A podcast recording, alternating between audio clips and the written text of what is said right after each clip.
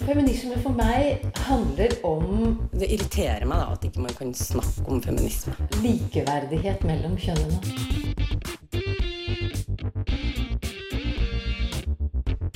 Det blikket på kvinnen på film. handlet det om å bli tatt på alvor som jente. Du hører på Kvinnesaken på Radio Nova. På onsdag er det FNs internasjonale dag for avskaffelse av vold mot kvinner, og vi får besøk fra JURK og Norske kvinners sanitetsforening, som skal fortelle mer om Rød knapp-kampanjen. Hillary Clinton sier hun er feminist, men er det dermed sagt at hun er feminismens kandidat? Og hva er egentlig statsfeminisme?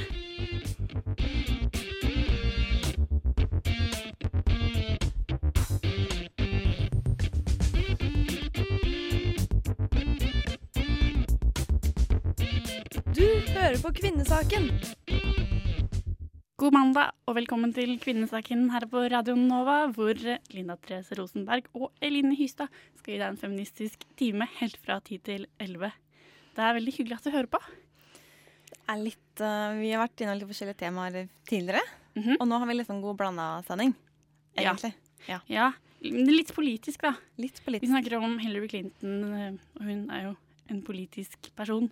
Eh, Og statsfeminisme, som Ja. også på en måte er politisk, kan man ikke si det? Jo, vi skal rett inn på sånn norsk likestillingspolitikk, egentlig. Mm. Det er jo også mulig at eh, vold mot kvinner kan være et eh, likestillingsproblem, og også litt politisk. Definitivt begge deler. Så der har vi en rød tråd. Vi har en veldig fin rød tråd.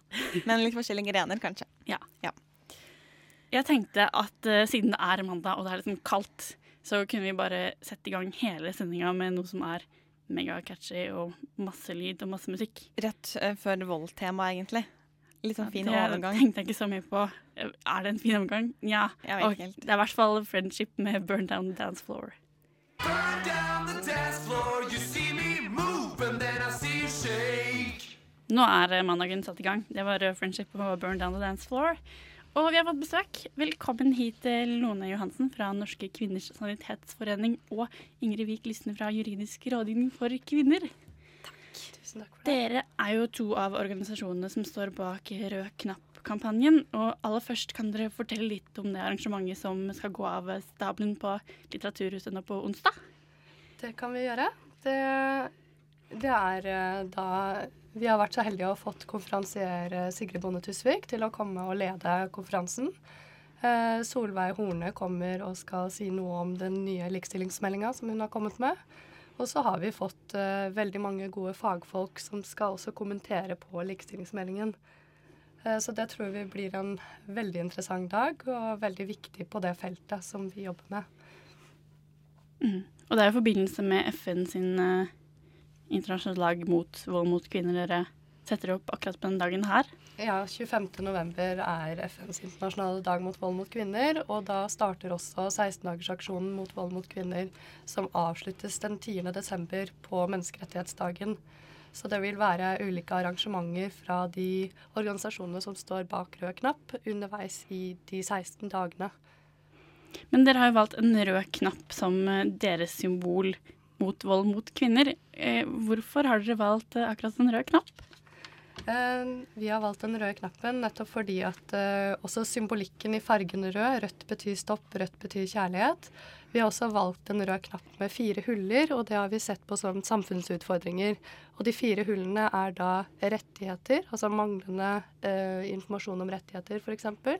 Det er forebygging, eh, det er eh, hjelpetilbud, og det er forskning, som er de fire hullene som vi ser på som særskilte utfordringer. Mm.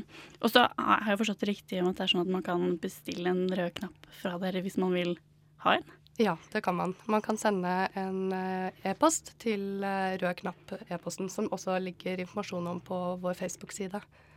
Du var litt inne på at det er eh, mange ulike organisasjoner som står bak kampanjen. Dere er jo bare noen av dem. Det er vel Islamsk råd, Reform, eh, JURK, Pensjonistforbundet, NKS, Den norske kirke og Krisesentersekretariatet, er det riktig? Ja, det er sju organisasjoner, så Pensjonistforbundet er ikke en av de lenger nå. Men okay. vi er eh, sju, så vi har et ganske bredt spekter av organisasjoner. Ja. Og det har vi sett på som kjempeviktig, fordi at vi vil at uh, informasjon om vold mot kvinner og at kampanjen skal nå ut så bredt som mulig. Og Mm. de organisasjonene som er med, de representerer veldig mange medlemmer. Så det har vært kjempeviktig for oss å se på den og ta med så mange eh, viktige organisasjoner som mulig. Mm. Så en bredde i organisasjoner skaper en bredde i oppslutning rundt eh, kampanjen, da. Mm. Det skaper også en synlighet som vi er opptatt av at eh, skal være der ute. Mm. Eh, vold mot kvinner er tabubelagt tema, så vi vil at den skal nå ut så bredt som mulig. Og det at vold mot kvinner er et problem som rammer på tvers av både religion og sosial status og politisk ståsted, eh, gjør også at det er viktig at så mange ulike organisasjoner eh, står bak, for da viser man at vold mot kvinner ikke bare er et problem som feminister eh, hauser opp, men at det er eh, mange ulike aktører i det sivile samfunn som eh, ønsker å være med å bekjempe vold. Mhm. Jeg leste at et av målene deres også var eh, at politikere har denne den røde knappen på seg. Hvorfor er det et eh, mål? Mm. Det var faktisk det første målet som vi satte oss eh, da vi starta kampanjen. Det var i valgkampen i 2013. Eh, og da ønska vi at de fleste statsråder skulle gå med knappen statsminister og symbolisere at de er mot vold mot kvinner i valgkampen. Og så har vi sett at kampanjen har bredt seg såpass mye at vi bare fortsatte kampanjen utover valgkampen også. Eh, og ja, målet er selvfølgelig at eh, statsråder og statsminister og politikere skal gå med den røde knappen, for da å eh, vise et tydelig standpunkt på at de er imot vold mot kvinner og ønsker å bekjempe problemet. Hvordan går det da? Går politikere med den røde knappen? Vi ser faktisk at veldig mange politikere går med den røde knappen. Eh, flere og flere. Og vi brukte også det som en symbolikk i den lokale valgkampen som var nå. Eh, også for å få lokalpolitikere til å gå med den røde knappen. For det ser vi er en utfordring med at eh, man får på plass lokale handlingsplaner f.eks. mot vold mot kvinner. Så det var, det var et tema som vi hadde nå i valgkampen. Vi skal fortsette å snakke med dere om eh, det her problemet med vold mot kvinner. Men eh, først litt musikk. Det her er Foxtrot. Foxtrot og Beyond Me Our Means hører du de siste tonene til her. Og her i Kvinnesaken så har vi besøk fra JURK og NKS. Fordi at dere står bak er, Dere er noen av organisasjonene som står bak Rød knapp-kampanjen. Og um, overskrifta for det arrangementet som dere skal ha på Litteraturhuset på onsdag, er jo 'Vold mot kvinner et likestillingsspørsmål'. Eh, og jeg vil gå litt inn, mer inn på det her uh, store problemet med vold mot kvinner. Og så lurer jeg på, hva tenker dere om at det er et likestillingsspørsmål? Eller hva mener dere med det? Det er et likestillingsspørsmål fordi det i hovedsak er kvinner som utsettes eh, for vold. Eh, og det er kvinner som da må bære de konsekvensene av eh, mesteparten av den volden som, eh, som skjer eh, rundt om i, eh, i hjemmene til folk. Eh, og det er et likestillingsproblem fordi eh, eh, det bevilges for få midler til å, til å både bekjempe vold og til å ta vare på de voldsutsatte etter at de har blitt utsatt for vold. Og vi ser jo at mange voldsutsatte f.eks. faller ut av eh, arbeidslivet. Eh, mange får også store problemer med gjeld, mange får store psykiske problemer. Eh, og når, man, når det er kvinner som i størst grad rammes av disse problemene, så er det et likestillingsproblem. Det bevilges for lite penger til vern, mener du? Eh, ja, altså det er jo sånn at det er veldig mye som kan gjøres for å bekjempe vold mot kvinner. Eh, og det vi har vært mest opptatt av i Rød knapp, er at eh, kommunene må få eh, lage kommunale handlingsplaner med konkrete tiltak for eh, hva kommunen skal gjøre eh, for å bekjempe vold mot kvinner. Og så kan jo omtrent bare fantasien sette grenser for hva det er mulig å gjøre. Det kan være alt fra bevisstgjøring i både barneskole og ungdomsskole, både for å, for å forebygge og også for at de som er utsatt for vold, skal vite hvor de kan gå for å få hjelp. Um, I tillegg så kan man uh, gi mer midler til krisesentre. Vi vet i dag at, uh, at eh, det ikke er et likeverdig krisesentertilbud. Hvor god hjelp du får, avhenger av hvor i landet du bor. Um, det kan også bevilges mer penger til, eh, til um, politiet. Vi vet jo at uh, veldig mange steder så, så prioriteres ikke vold, vold, i nære relasjoner og vold mot kvinner så særlig høyt av politiet. Uh, så det er mye som kan gjøres. Mm -hmm. Men vi tenker jo kanskje først og fremst på fysisk vold mot kvinner når vi hører uh, at det er et problem. Men jeg tenker også litt på de her usynlige, mer usynlige formene. Og dere JURK Eh, nevner både fysisk vold, psykisk vold, seksuell vold, økonomisk vold og materiell vold som mulige typer, da, eller former for vold mot kvinner. Er de her eh, vold, formene mer usynliggjort også? At man snakker mindre om de? Ja, altså den tradisjonelle formen for vold er jo den fysiske volden. Altså typisk slag, spark, klyping, dytting. Og det er det de fleste tenker på når man snakker om vold. Men, eh, men, man ser jo, hvis man dykker litt dypere, at eh, de som lever i, i, voldelige forhold, der er det ofte et samspill av ulike typer vold. Det kan også være altså, seksualisert vold, det kan være psykisk vold, f.eks. For i form av trusler og, eh, og kontroll. Um, vi ser også i økende grad hos JURK i alle fall, at mange voldsutsatte henvender seg og har blitt utsatt for økonomisk vold. Og det er en, en litt sånn underkommunisert eh, form for vold, men som, som, har veldig store konsekvenser. Og eksempler eh, på økonomisk vold kan være at, eh, ja, at voldsutøver da har eh, forfalsket underskriften eh, til den voldsutsatte, tatt opp masse kredittlån i den voldsutsatte sitt navn. Det kan være, være at man eh, holder fortell, Sier at slapp av, jeg tar meg av regningene, men egentlig putter man det bare i en skuff. Og det gjør at veldig mange som, som utsettes for vold, og som vil bryte ut av et voldelig forhold, får store, store problemer i ettertid. Både fordi mange har kjempestore gjeldsproblemer som ikke nødvendigvis eh, skyldes dem selv. I 2012 så kritiserte jo FN mm, eh, FNs komité for menneskerettigheter i Norge for å ha manglende tiltak mot vold mot kvinner. Er det noe som har gjort noe med? Ja, det var FNs kvinnekomité som kritiserte Norge for det store omfanget av vold mot kvinner. Og for at ikke Norge forebygger nok i et sånt likestillingsperspektiv. Og, og, når du i stad spurte om vold mot kvinner om det er et spørsmål om likestilling, så vil jo vi selvsagt si ja. Forskning viser at dess mer likestilte man er i familien, dess mindre vold finner man. Og dess mer likestilte man er i samfunnet, dess mindre vold finner man. Og i forhold til likestilling så er det jo også et eh, spørsmål om at eh, det er kvinnene som blir utsatt for den mest grove og langvarige type volden. Og kanskje også den mest eh, seksualiserte volden. Det er jo en nyere undersøkelse nå som har kommet fra NKVTS, som er Nasjonalt kunnskapssenter for vold og traumatisk stress, som viser at én av ti norske jenter har blitt utsatt for en voldtekt, og halvparten av de før de er fylt 18 år. Uh, og da tenker vi at det er viktig å sette spørsmålstegn rundt det med, med kjønnsstereotypier, bl.a. Altså hvorfor er den tematikken her så kjønna? Mm. Uh, og derfor syns vi at det har vært viktig å stille spørsmål i forhold til et likestillingsproblem.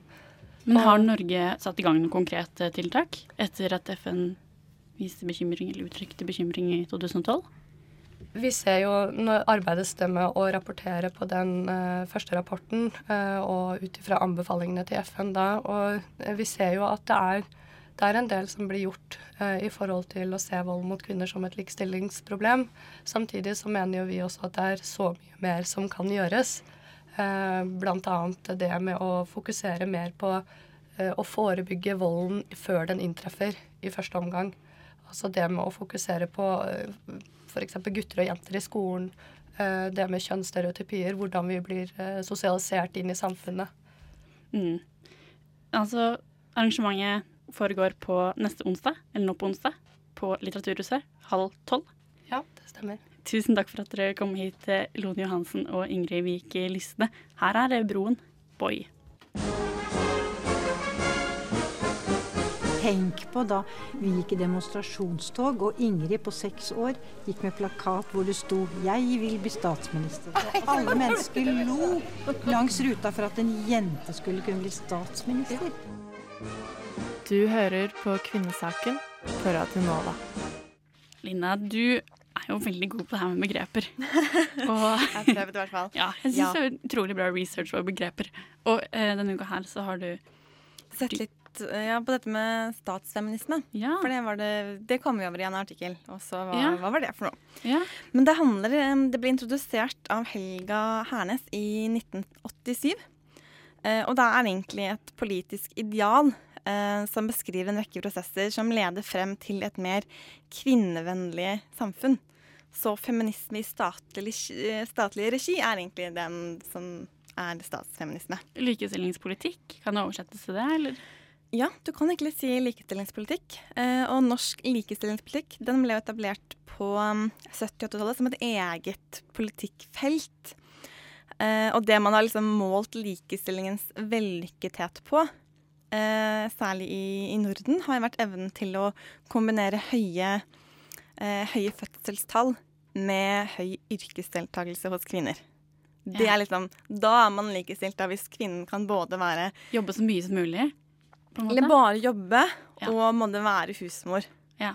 Ja, og derfor så har det jo vært en del kritikk mot uh, det her. Um, for det første så har den blitt beskrevet som veldig sånn hvitt kvinnelig middelklasseprosjekt, egentlig. Og det er jo sånn at de som ofte havner på Stortinget, om det er kvinne eller mann, um, det er eh, et eget samfunnslag.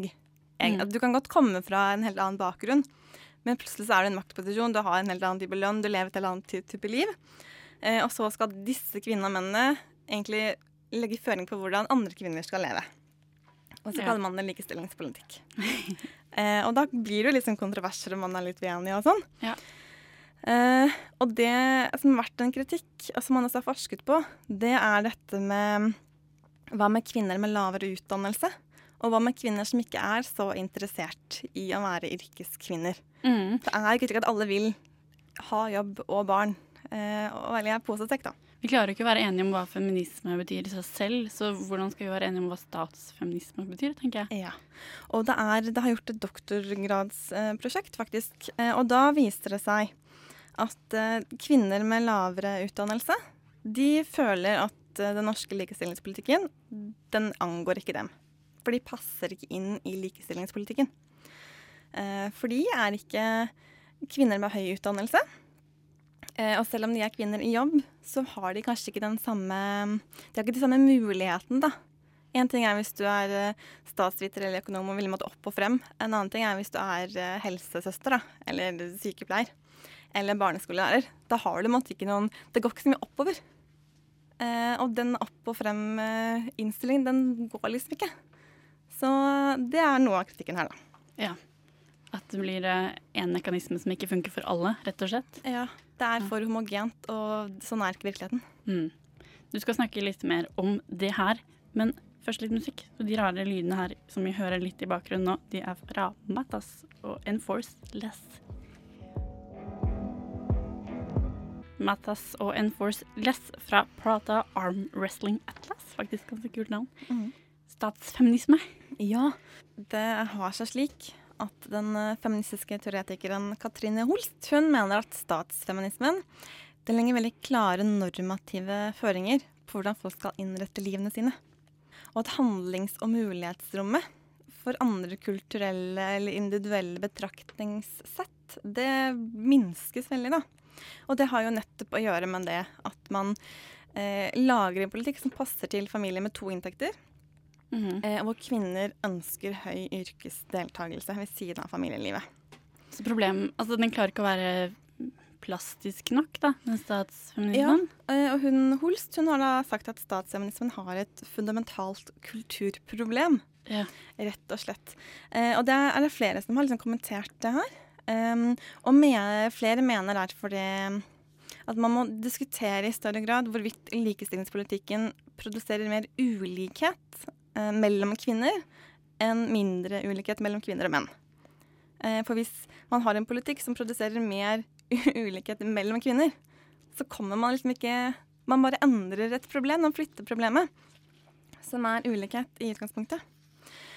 Og så er det slik at eh, man må begynne å reflektere litt eh, om politikk som gagner kvinner, og likestillingspolitikk nødvendigvis er det samme. Og Mm. det er, disse, det mange feministiske teoretikere som mener at det er det ikke. Eh, fordi at samfunnet ikke er homogent. Det er heterogent og mangfoldig. Og det kan ikke en likestillingspolitikk nødvendigvis reflektere. Mm. Eh, og så er det en dansk sosiolog som heter G Gøsta Esping Andersen, som skiller mellom ulike velferdsregimer. Eh, og han mener at det er en sosialdemokratisk modell som er deformaliserende. Eh, med sosiale velferdsordninger hvor formålet det er å realisere kvinners mulighet til lønnsarbeid. Ja. Det er den ene modellen, og det er vel den modellen som man ser veldig tydelig i Skandinavia. Mm. Og så er det en annen eh, velferds... eh, et regime eller modell eller forståelse som er mer familiserende. og som sikter seg mer inn mot familieverdier. Her kan man kanskje finne litt sånn KrF. Ja, men er det liksom litt høyre og venstre side også? Det kan man sikkert si. Det sto det ikke så mye om i den artikkelen som jeg har sett på. Men den ser på fordelingen av forsørger- og omsorgsansvar. Både mellom kvinner og menn, og mellom på familien og staten. Hvordan skal man løse disse problemene? Så det er egentlig to måter å se på det på. Og så kan man jo diskutere hva som, er, hva som bør være fasit. Mm. Så det er eh, statsfeminisme på 1, 2, 3. Fantastisk. Neste låt ut her advarer tekniker Isak Ree mot at kanskje ikke er den mest feministiske låta, men den er crazy catchy, og hvis du hører den to ganger, så har du den på hjernen. Sjalu. Kvinnesaken. På Radio Nova. For jag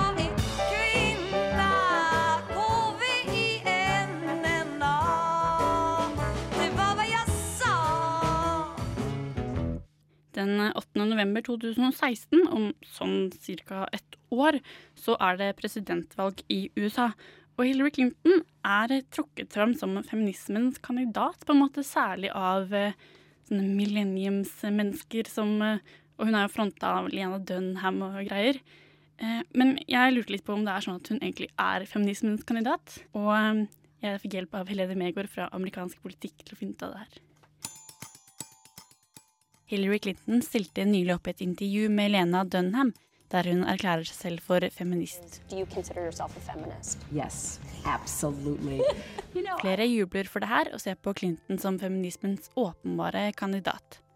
Samtidig så har hun blitt kritisert fra flere hold for å være alt fra dobbeltmoralsk til å ikke hegne godt nok om interseksjonalitet. Jeg kan absolutt ingenting om amerikansk politikk og var usikker på hva jeg skulle tenke om saken, men Helene Megård fra amerikanskpolitikk.no kunne hjelpe. Altså For å forstå Hillary Clinton i forhold til eh, feminisme, så må man betrakte henne på to måter. Hun er jo en eh, eldre dame. Hun er eh, Ja, hun blir, hun blir vel 69 i 2016, så hun er, eh, er 68 nå. Eh, og- hun har jo da hatt en lang karriere i amerikansk politikk, og har på den måten eh, vært et viktig forbilde og vært et viktig feministisk eh, forbilde. Men på den annen side så må man jo se henne da som den presidentkandidaten hun faktisk er akkurat nå. Eh, og da er hun også Altså Hillary Clinton selv og hennes folk vil nok si at hun er en feminist nå og en feministisk kandidat. Men spørsmålet er jo da om hun er feministisk nok for mange unge. Kvinnelige politiske forbilder det har vi mange flere av i Norge enn i USA. og Derfor er det en grunn til at Hillary Clinton i en presidentposisjon kan ses på som feministisk. I USA så har eh, kvinner i politikken vært diskutert i flere år, og blir i stadig større grad akseptert. Og Megor peker på at i den prosessen her så har både kvinner fra høyre og venstre side spilt en viktig rolle. Absolutt, og det er, det er få kvinnelige politikere i USA. Imidlertid så kan man jo trekke fram også andre kandidater, ikke bare Hillary Clinton, f.eks. Sarah Palin. Er det ikke mange som tenker på nødvendigvis som en feminist? Eh, men hun har nok vært en viktig kvinnelig politiker og et da forbilde for mange, særlig på høyresiden. Og har altså man, Hvis vi går tilbake til 2008, det var forrige gang Hillary var eh, presidentkandidat, så var det veldig mye sånn såkalt kvinnesnakk. Altså man diskuterte da er USA klar for en eh, kvinnelig president. Men eh, da ble, var jo da Sarah Palin visepresidentkandidat for John McCain. Og på mange måter så har det kandidaturet, altså Sarah Palin og hennes politiske rolle, brøytet vei for Hillary Clinton også. I tillegg til at Hillary Clintons eget eh, kandidatur har liksom gjort amerikanerne mer klar for en kvinnelig eh, president. Så det har tatt litt tid, liksom sakte, men sikkert prosessering av eh, kvinnerollen generelt? Absolutt. Men som sagt, da, det er øh, flere som har bidratt her, og da også da på høyresiden. Det må vi ikke glemme. Altså, man tenker jo da på, på øh, det som kalles den progressive fløyen i det demokratiske partiet, altså venstrefløyen. Tenker man jo da på som foregangskvinner. Og det stemmer. øh, men, men man har også da hatt en utvikling på høyresiden, og det er viktig å huske på det. da.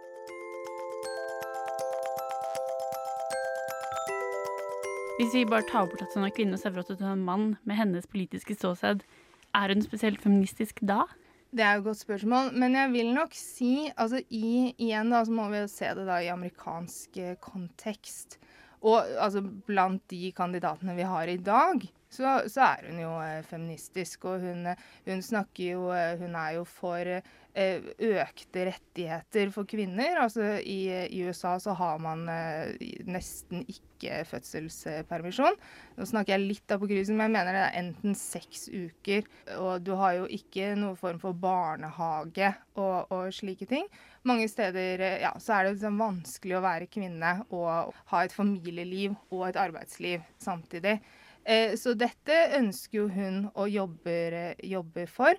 Og hun jo også, snakker jo da om, om kvinnerettigheter, at det er viktig. Eh, Men, men igjen da, så er det jo da spørsmålet er hun feministisk nok. Hun går nok ikke så konkret inn på viktige emner, og hun prøver nok liksom å finne en middelvei. Og det er jo også da fordi hun ønsker ikke å bli satt i den båsen, fordi hun må vinne halve, halve USA for å bli eh, president. Og da ønsker ikke Og igjen så må man tenke på hennes historie, ikke sant. At hun eh, hun er hun, altså Mange ser på henne som en sånn sint, eh, liksom mannehatende feminist. Som er utrolig dårlig gjort, for hun er den som ga opp sin karriere for å følge mannen i Det hvite hus, og har virkelig liksom ofret så, så hun er nok også påpasselig da med å ikke bli for liksom, Gå for langt ut, ut til ytterkantene. Interseksjonalitet er et begrep mange feminister er opptatt av nå. Og det her begrepet det viser til hvordan sosiale kategorier som kjønn, rase, etnisitet, religion og sosial klasse kan samvirke og påvirke personens leve- og livsvilkår. Fra flere hold så er Hillary Clinton blitt kritisert for å ignorere en sånn problemstilling. Hun snakker jo på vegne også av svarte og minoriteter. Hun er for homofilt ekteskap. Altså hun ga jo da ut denne valgkampvideoen nå i april. Da hadde man med et homofilt par, f.eks. Som er ganske grensesprengende i USA. Og det er ikke så mange, liksom, Man må tenke på henne som en moderat presidentkandidat, og det at en moderat presidentkandidat har med et homofilt par i en valgkampvideo, er et skritt, eh, skritt eh, framover. Men altså, Hillary Clinton vil alltid bli kritisert, og, og altså, hun er hun er en hvit, middelaldrende, mektig kvinne, og det får man ikke gjort så veldig mye med. Og det er nok også hennes eh, venner. Altså, hun er privilegert og, og har vært privilegert i, i mange år, og kan jo ikke da bli en svart en svart alenemor eh, som, som kjemper for å holde hodet over vann over natten. Men, men igjen, jeg vil Jeg tror nok mange feminister som skulle nok kanskje ønske at det var en annen kandidat, at man hadde en annen kandidat enn Hillary Clinton. Men til syvende og sist så er nok Hillary Clinton akkurat eh, nå, i 2015-2016, et godt alternativ. Det er det beste man har i USA akkurat nå. Der hørte du Helene Megård om Hillary Clinton som feminist, og her får du Saint Cava med låta Camo. Saint Cava og Camo. Jeg syns det er så fascinerende det her med at Hillary Clinton at Det er tosidig, som Helene Megård snakka om. At på den ene siden så kan det faktisk være feministisk i seg selv at hun er presidentkandidat, eventuelt president, fordi at hun er kvinne, og de har så få eh, kvinnelige politiske forbilder i USA. Og i Norge så tror jeg at vi tar det litt som en selvfølge at det ikke er et behov, egentlig. Jeg har egentlig inntrykk av det, i hvert fall på sånn topp, eh, toppstillingsnivå. Vi fikk jo første, første Kvinnelig holdt på å si president, ja, statsminister i 1981, som er en ganske god stund siden nå. Ja, men nå må du huske på at USA er ganske konservativt. Ja, det er det. Og det er veldig liberalt. Eh, kontra egentlig Skandinavia. Så i et likestillingsperspektiv, og i hvert fall et feministisk perspektiv, så tror jeg at Skandinavia egentlig alltid vil ligge ganske langt foran eh, statene. Men jeg, har, jeg fant en sånn eh, feministisk organisasjon i USA. Ja. eh, Som heter Solidarity. Og de har måtte sette litt spørsmål for hvorfor eh, Hillary Clinton er en sånn feministisk kandidat. Og hvorfor hun får så mye oppmerksomhet fra selverklærte feminister. Og de eh, mener at det kan tyde på, eller at det er, en krise i den liberalfeministiske tradisjonen, eller retningen, i USA. Mm. Eh, og det er ikke så rart at når man er et veldig sånn liberalt land, så er liberalfeminismen også mye sterkere der Ja, ja. enn den er i Skandinavia. Mm. Eh, og de mener det at liberalfeministene, eller feministene i USA, de har ikke klart å gjøre så veldig mye, i hvert fall ikke den senere tiden, med f.eks. sexisme, rasisme, eh, homofobi og sånne typer ting, da, som faktisk trykker ned. Og det er jo slik at eh, de kvinnene som kommer dårligst ut i USA, det er jo kvinner og LHBT-mennesker. Ja. Av det kapitalistiske systemet. Det er jo litt sånn sånn her interseksjonalitetskritikken som Clinton har fått også. Ja. Som uh, mm, jeg, Men jeg tror eh, det er nok litt sant det her med at hun ikke kan gå altfor mye sånn inn i saker fordi de hele tiden må nå så bredt ut, da. Ja. For å fortsette å eh, få både unge og kule velgere som er feminister, og også de eldre tradisjonelle. Men hun har markert seg ganske lenge, da. For denne Solidarity-organisasjonen de snakker litt også om det at hun var den første, eh, førstedamen som måtte gikk aktivt inn i politikken og var Ja. med å forme den og rettferdiggjøre Bill Clintons politikk som president Ja. i de årene han var det. Hun har gjort mye bra, altså. Og tok Veldig veldig, sånn plass i politikken, selv om hun bare var førstedame. Ja. Eh, og når hun er den første førstedame som gjør det veldig aktivt og konsekvent, Ja. for det her var jo på 90-tallet, Mm. så er det kanskje ikke så rart at hun har satt veldig spor, da, og at det er veldig inspirerende for, for andre kvinner. Mm. Jeg elsker jo når verdenene mine smelter sammen, og det skjedde på et tidspunkt her hvor jeg vant at i Gilmore Girls så snakker de om akkurat det her. Bare hør her. Well, it won't matter because my Hillary Clinton essay will be just like every other girl's Hillary Clinton essay because apparently that's all we can think of. I'm such a hack. Det er bare Hillary Clinton som er et forbilde. Alle skriver essay om Hillary Clinton. Men det er jo andre politikere også. Kvinnelige politikere. Men det blir litt sånn latterliggjort. Jeg særlig hun Ja. Sarah Palin, er det ikke det? Sarah Palin, ja. Så hun blir jo veldig sånn eh, stakkars menneske, egentlig. Men eh, Mm. hun er jo der. Hun er jo en synlig kvinnelig politiker. Mm. Selv om hun kanskje sier litt mange dumme ting. Mm. Det blir spennende å se hva som skjer med Hillary Clinton. egentlig. Nå ble jeg faktisk litt engasjert. Jeg har aldri hørt det før. Her er Rødtvet rockeband som klager over kald kaffe.